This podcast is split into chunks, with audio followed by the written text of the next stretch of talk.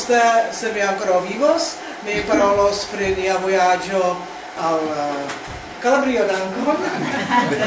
Kaj eh, se ancora ne ci vivos poste ni cantos kun Pavluška. Yes.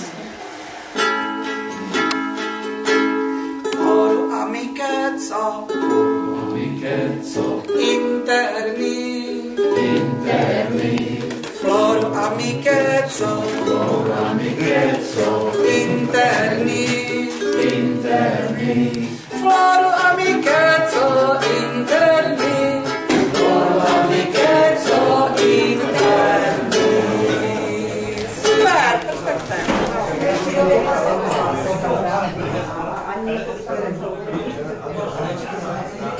Města Šeby, Jan Šebetovský.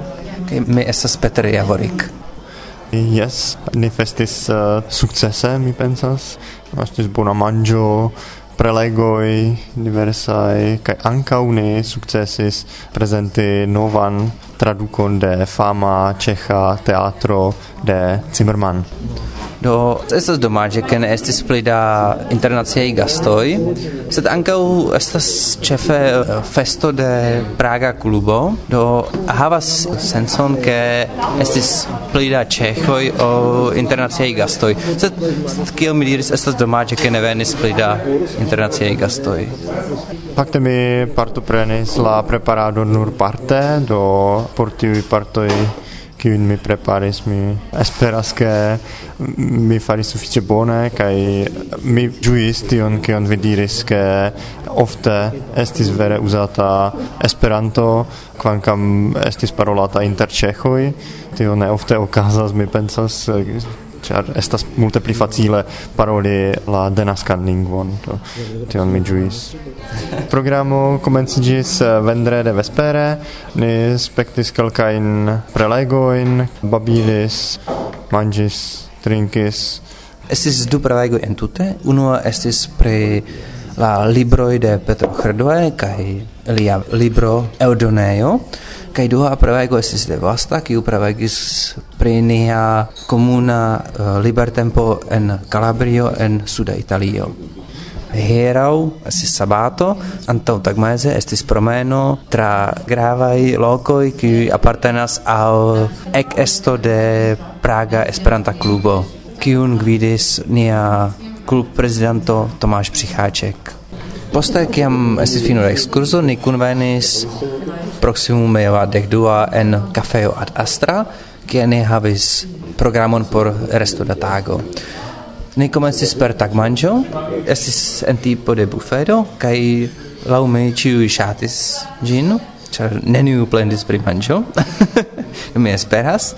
Poste komenciĝis prelegoj, mi pensas ke kvar.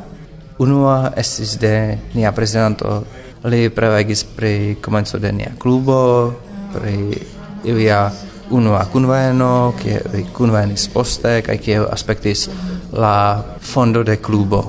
Yes, uh, eh, estis ankaŭ aliaj uh, la lasta antaŭ la vespermanĝo ekzemple estis pri Eli Urbanova, pri fama Esperanta verkistino kaj poste ni denove devis gaini novan energion per manjo. uh, ni ankaŭ tiun manĝon ĝuis post post ĝi finfine por mi estis la presento de traduco de la filmo kiun mi partoprenis. Ĝis tiam mi estis en streĉo do, do post tiam mi iom pli facile ĝuis la vesperon.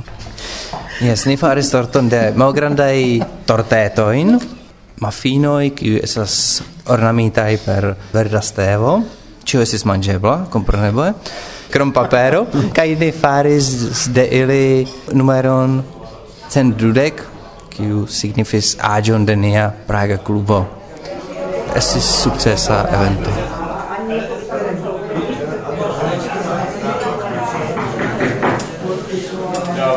Andrew, Garay. Bonan matenon, mi bonvenigas ciuin en nia clubeio. Mi esperas che vi bone dormis, cae estas pretai por la dua cefa tago de niai festoi. Adiau comencijas ten promeno, kiu temas pri lokoj ligitaj kun la komenco de Esperanto en Prago.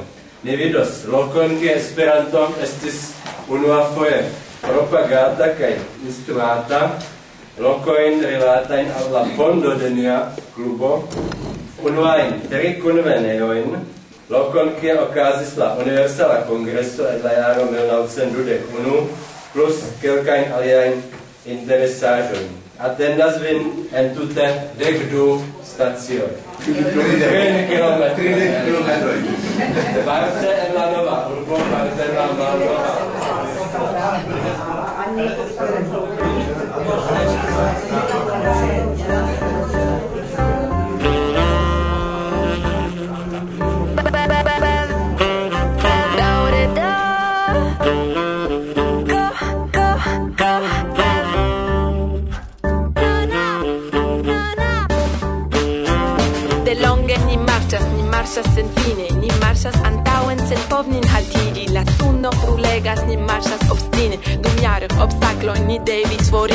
ĉiuj decidis eliri vilaĝon por serci pli sanan kaj pli homan vivon. Ni trovis ancora sufiĉe kuraĝon, ni havis feliĉe tre bonan motivon. Ni provis eskapi de niaj turmentoj, konstrui esperon, rifarbi ĉielon, ŝvebis sur vojoj nordnigraj silentoj, ni trovis nenion, eĉ ne unu stelon, malbelan futuro lingvoj decidis la sorto por nia doloro cae nia laboro ni ne atendas che venos la morto sen bruo sen lutto cae sen doloro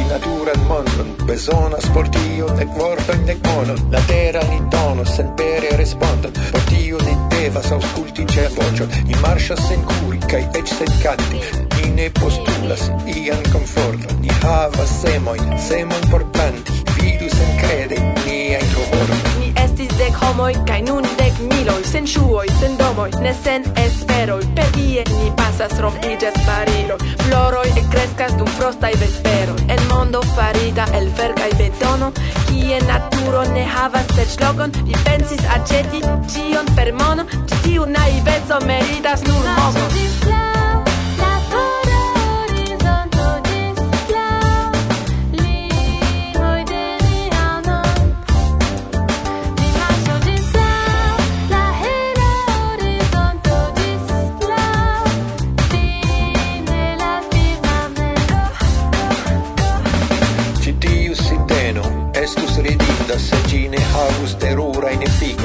chi dormas ilogias en mondo trobinda por povi eltiri ĝian radikojn ni devas retrovi en nia memor. La natura in de la pasinteco estas profunde en la homa koro desiro eskapi de sia sclavenzo ni marchas kaj marchas eble sen celo. Ne gravas ĉu iu konstruis sian muron. Sub cielo pli verda kie brilas nia ŝtelo ni trovos sendube pli grandan futuron. Delonge ni marchas ni marchas marŝas senfine ni marchas antaŭ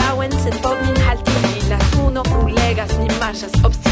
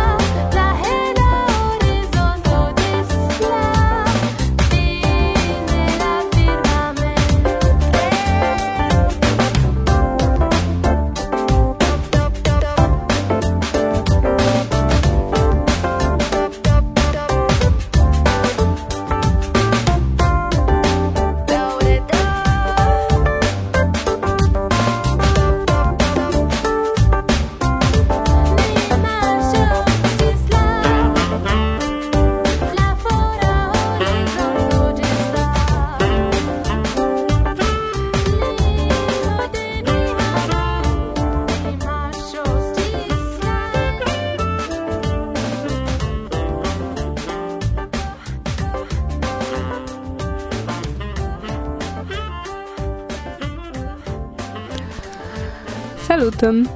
Hodiau cadre de conatai kai neconatai kun granda plezuro mi electis presenti al vi unu el verai amicoi de Esperanto kai aparte de nia agado. Aktivulon pli konatan fakte ol nekonatan. Roman Dobrzyński. Kiel? Czar estas bonega okazo.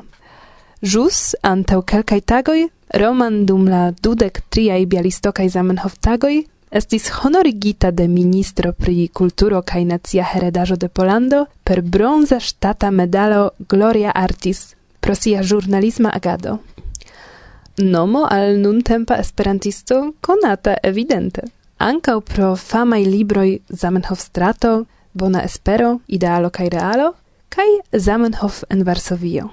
Sed kion verdire pli pri Roman Dobrzyński vi scias? Ĉu vi aŭdis ekzemple, ke li realigis ĉirkaŭ 300 dokumentajn filmojn al la pola televido? kai estis ofta gasto en la programoj en kiu oni parolis pri la Latina Ameriko, ĉu vi scias, ke kiel ĵurnalisto li ekkonis multajn gravulojn, inter ili rilatis ankaŭ kun Fidel Castro, kiu fiere pri si opiniis mi estas soldato de Esperanto? Kai eble vi scias, ke krom la pola kai Esperanto li regas flue inter alie la germanan kai hispanan? Tiui tricent documentai filmoj, pri kiu mi menciis, malgrau ke ili estas realigitai por la pola televido, ciam iel rilatis al nia lingvo. Roman kun fiero substrekadas, ke al li sukcesis kaŝe popularigi Esperanton, Quancam la filmoi presentis ion alian.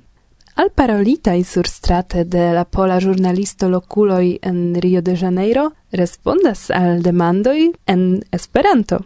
La alia en Valencio racontas pri festo de fairo ancau en konata al ni lingvo.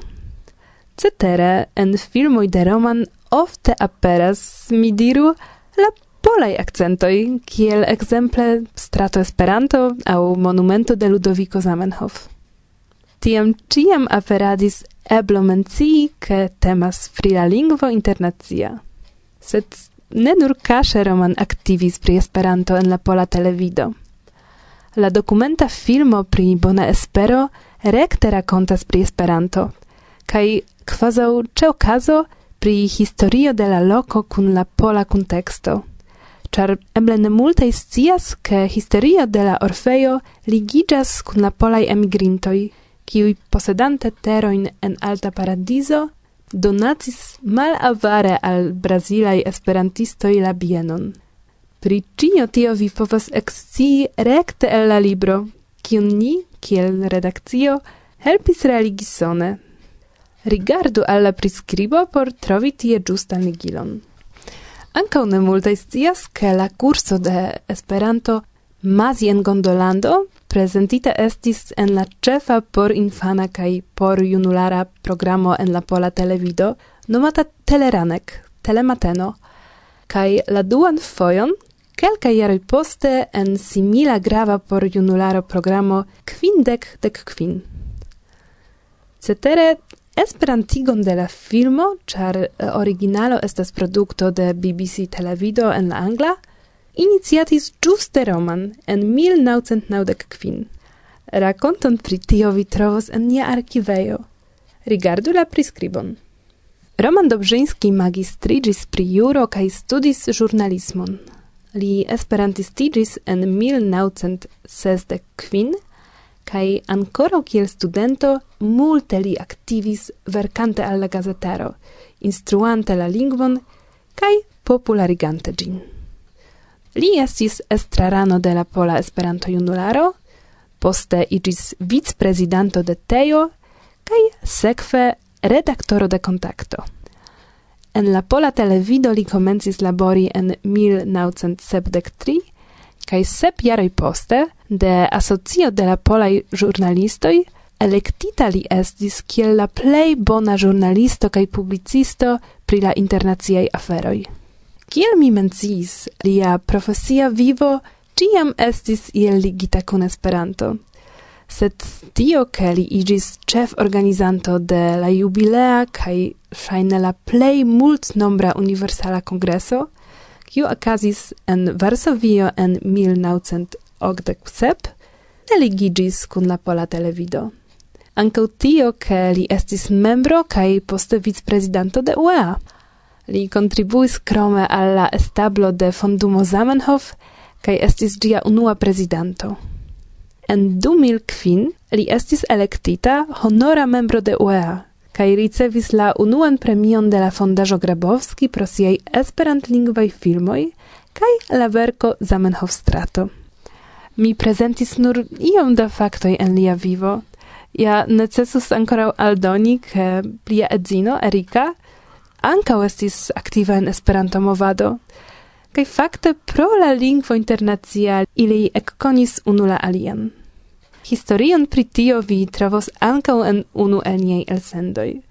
Sed kio al mi, al la ordinara juna esperantistino plej gravas, ŝajne ne nur al mi, mi pensas, malgraŭ ke roman apartenas al gravaj homoj, ĉiam kiam nur aperas okazo, li staras brakon en brako kun la varsoviaj esperantistoj kun flugfolioj en mano por klarigi al trapasantoj kio estas Esperanto mi havas privilegion kaj veran plezuron esti amikino de Roman. Kia do li estas private? Sendube tre amikema kaj gastema. Malmultaj scias, ke Roman estas bonega kuiristo, kaj ciam, kiam ni vizitas lian hejmon, atendas nin iu exotica tagmanĝo. Foje de la Latina Ameriko, foje de Fora Azio, de Nepalo, kaj jes, roman shate kun laboras kun ni kun varsovia vento. Exemplon de tio vi trovos anka un til sendo roman dobrzyński esperantisto konata ne konata konata sendube kai amata vere. Gratulon roman pro la medalo gloria artis kai al vi carai gauskultantoi Dankon pro atento. Gosia.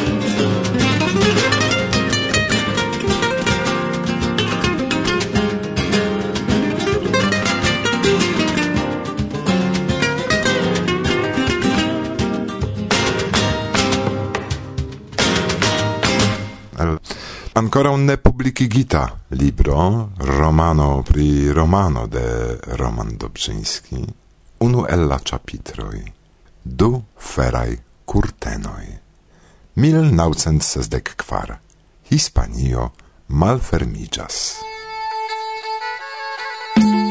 Thank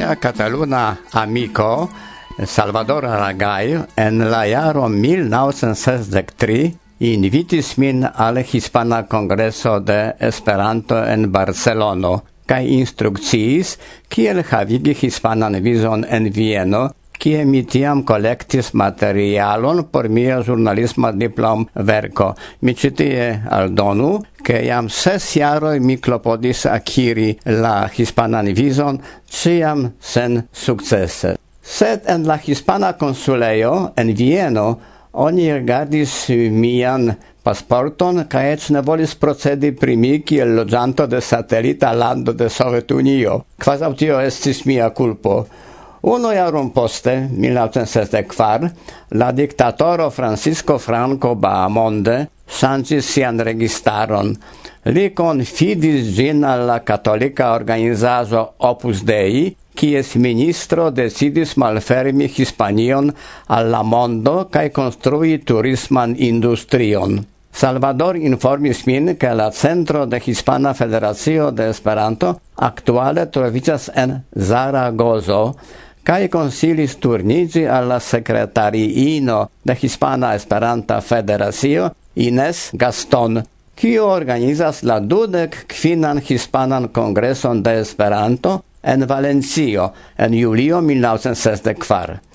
Gio ocasos en iom pli favorai politicae circunstansoi. Tiu ci de nove instigis mian ilusiigion pri Hispanio, sed mi ancav exis che al tiu celando, considerata kiel fascista, mi ne raitos ricevi pasporton. Por veturi exterlanden oni devis havi invitilon kun la certigo de plena viv subteno en concreta lando fare de la invitanto. Tiam existis solidarezo inter esperantistoi. Mi petis mian francan correspondantinon René Triol, kiu formale invitis min al sia lando, kvankam mi volis veturiali Hispanio. Sia invitilo ancau helpis akiri vizon al Franceo kaj faciligis aranĝi transit vizon tra la Occidenta Germanio. Mia celo estis viziti Hispanion sen depende de postai konsekvencoj. Mi scribis leteron al Hispana Esperanto Federacio en Zaragozo pri mia desiro partopreni la congreson en Valencio aludante ankaŭ la problemon de viso. La dec quinan de junio 1964, unu manaton antaŭ la congreso, la sekretariino Ines Gaston stigis min. Mi citas, mi transdonis vian leteron al nia presidanto, doktoro Miguel Sancho Izquierdo, kiu jam skribis al la ministra mosto pri eksterlandaj aferoj, petante che li permessu vison al via pasporto, porque vi povo partopreni nian jubilean congresson. Kia surprizo! La ministro pre exterlandai afero estas implicita en la aranzon de vizo por pola esperantisto. Baldaŭ mi eksciis, ke la prezidanto de Hispana Esperanto Federacio, Dr. Miguel Sánchez Izquierdo, estas rektoro de Zaragoza Universitato kaj profesoro pri internacia juro. La ministro pri eksterlanda afero Miguel Castilla estis studento lia, ankaŭ zaragozano. La fraŭlino Ines krome informis min, che mia partopreno en la jubilea congresso sen paga. Si sugestis al mi prepari prelegon, sed nur pri lingva temo, che mi ne parolu kion ein pri politico. Tiu cele mi scribu esperantan biografion, kaj psis promesis sendi detalan kongreson programo. Ocasis io, kio estis vane esperata dum kelka jaroi, sed kiel tion realigi, kiel veturi, kiel gajni fremdan valuton. Mi ne havas monon por flugi per aviadilo, nec vojaĝi per trajno. Malplej koste estus uzi automobilon, sed mi ne havas zin. Eble biciklo, ne tro malproksime. Kaj motor biciklo? O oh, jes, Fabrico in Varsovio ĵus komencis produkti skoterojn konkurence al la itala Vespo. Tiu cenovazo havis sam signifan nomon osa. Gi estis malfacile acetebla, sed helpe de influpovai conatului mi estigis gia posedanto. La forton de osa, vespo en Esperanto, consistigas nau mecanicae cevaloi. Gi consumis nur du litroin da benzino por cent kilometroi. Estis alia obstaclo nome partopreni kurson pri soforado kaj akiri oficialan stir reitigilon por exterlando. Tio ancau realicis. Nu bone, sed kion mi faru, se la pola vespo ribelos kai ne plu zumos nek flugos? Pri tiu ci virtuala problemo mi demandas mian kolegon Janus, kiu gajnis praktikan scipovon en teknika mezlernejo pri motorveturiloj, kaj promesas instrui min pri la sekretoj de ĝia mekaniko. La veturo proximigas, zenas min mia ignoreco pri motorcikloj. Janus respondas sentence, se ci ne estus ignoranto, si ne riskus tian vojaĝon.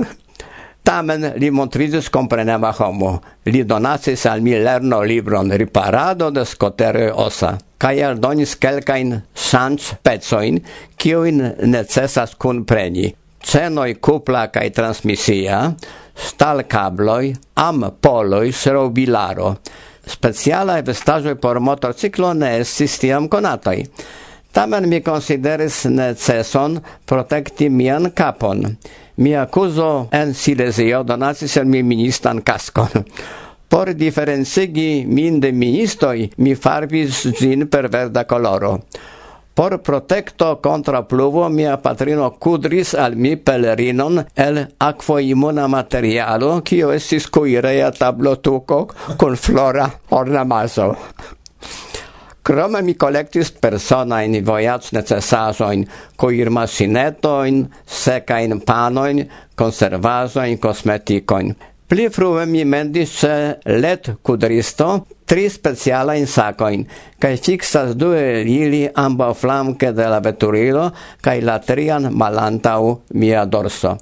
La plei grandan valorazo, nome dudek usonajn dolaroin, mi kaŝas en suo, Tiu ci sumo, lau la nigra mercata curso, estis equivalento de uno monata salairo de mia patro. En tiel nomata Pola Popola Respublico, male al aliei soslandoi, estis permesita la posedo de fremdai valutoi, sed por forporti ec unu dolaron necessis permeso kiu akiris pasporton al occidenta lando, tiu rajtis aceti dek dolarojn laŭ la oficiala malalta kurso. Tiujn dolarojn oni ne devis kaŝi. Mi ekveturis al Hispanio kun kapitalo de tridek dolaroj.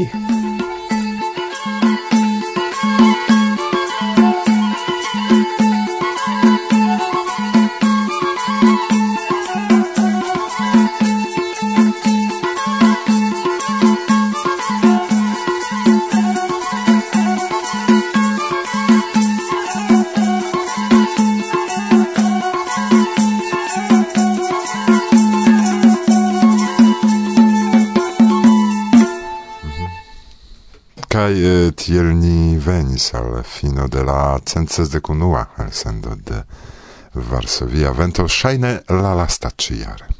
Mm, yes, au ne. Ni vidos. Do ĉu yes, au ne, ale eh, la kristanoj en la tuta mondo ni bondeziras familian kaj pacan kristnaskon.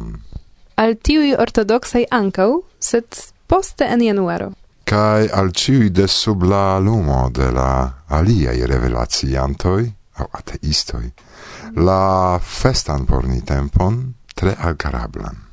Cae al ciui, ciui credas ion au ne, felician cae antau cio, pacan novan jaron, de la tuta redakcio, de Varsovia vento, bla bla bla.